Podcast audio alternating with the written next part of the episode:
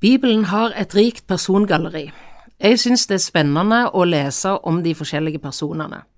De levde til ulike tider, opplevde ulike livssituasjoner, har forskjellige livshistorier og absolutt forskjellige personligheter. Det er mye å lære av disse forskjellige personene. Denne veka har jeg plukka ut fem personer som kan være forbilde for oss. Alle disse leser vi om i Det nye testamentet. Den første jeg vil presentere deg for, det er Andreas. Andreas var en fiskersønn fra Betzaida, en by i Galilea, like nord for elva Jordan sitt utløp i Genesaretsjøen. Andreas han flytta fra Betzaida til Kapernaum, og som voksen så drev han fiske i sammen med broren Simon, som senere ble kalt Peter.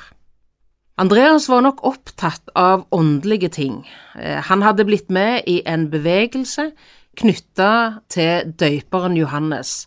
Han drev med forkynnelse og vekkelsesvirksomhet i ørkenen ved Jordan. En dag som Andreas var sammen med døyperen Johannes, så møtte han en mann som forandra livet hans. Og det står det litt om i Johannes evangeliet kapittel 1 og ifra vers 35. Der er det døyperen Johannes som ser en av eh, de han kjenner, komme imot seg, Jesus ifra Nasaret. Dagen etter sto Johannes der igjen og to av hans disipler. Da han fikk se Jesus kom gående, sa han, Se, der Guds lam.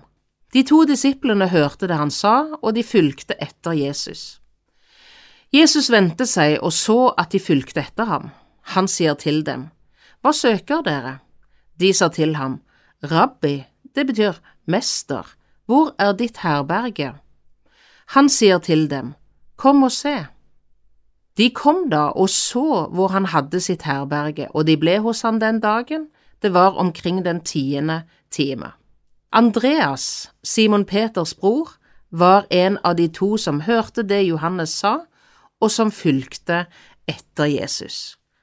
Han finner først sin egen bror Simon og sier til ham, Vi har funnet Messias, det betyr Kristus, og han førte ham til Jesus.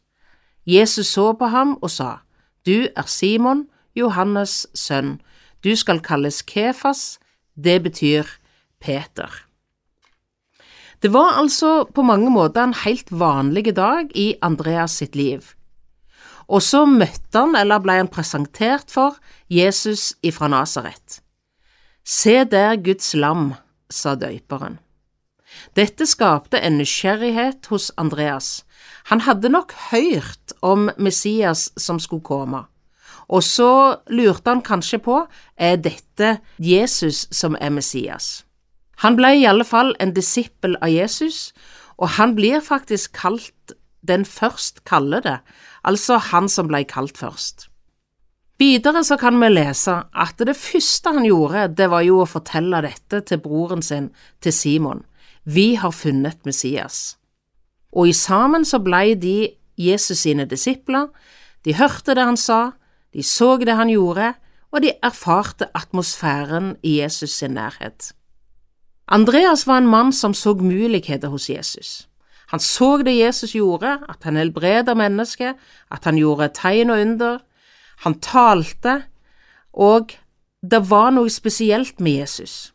I Johannes 6 så kan vi lese at en dag så var de sammen med massevis av folk. Jesus hadde talt, folket hadde blitt sultne, og spørsmålet var hvor kan vi få mat til så mange? Og da er det Andreas er på pletten. Det er en liten gutt her med en nistepakke to fisk og fem brød. At han vågte, at Andreas tok den sjansen. Tusenvis av sultne mennesker og to fisk og fem brød. Og tenk Andreas fikk være med og dele ut den nistepakken Jesus velsigna, sånn at det ble nok til alle. Og neste gang når han er nevnt, i kapittel tolv i Johannes evangeliet, da hadde han òg med seg noen til Jesus. Her er det noen grekere som vil møte deg, Jesus. Det er så typisk Andreas å ha noen med seg til Jesus, en bror, en gutt med en nistepakke og noen som ikke kjente Jesus. Jeg tror det er med oss mennesker som det er med blomster. Noen trives best i sola, og andre vokser fint i skygge. Andreas, han var en mann som evna å stå i skyggen. Selv om Andreas var den som ble først kalt til disippel, så opplevde han jo at det var tre andre, blant annet hans egen bror Peter, i tillegg til Jakob og Johannes, som på en måte blei Jesus sin innerste krets. Jeg har tenkt på det litt. Peter, han, han fikk være med, men Andreas, han eh, fikk ikke det samme privilegiet. Det fortelles at Lasse Kolstad en gang ble spurt. Har du noen gang følt at du sto i skyggen av din litt mer berømte bror, Henki? Da skal han ha svart nei, men jeg har mange ganger solt meg i glansen av han. Historien om Andreas er historien om disippelen, apostelen, han som blei først kalt. Han så muligheter for seg sjøl og for andre hos Jesus, og det han opplevde i sammen med Jesus, det prega hele livet hans. Historien forteller at han døde som martyr i år 60 eller 62, når han fortalte om mulighetene hos Jesus, i Hellas og i områdene rundt Svartehavet. Amen. Du har lytta til Over en åpen bibel, produsert av eh, Norea Mediemisjon. Anholdsholder i dag var Aud Karin Ringvold, et gjenhør fra 2019. Har du kommentarer eller spørsmål, så ta gjerne kontakt med oss. Du kan bruke e-postadressen eh, postalfakrøllnorea.no, eller du kan sende oss en melding via Facebook. God sommer videre.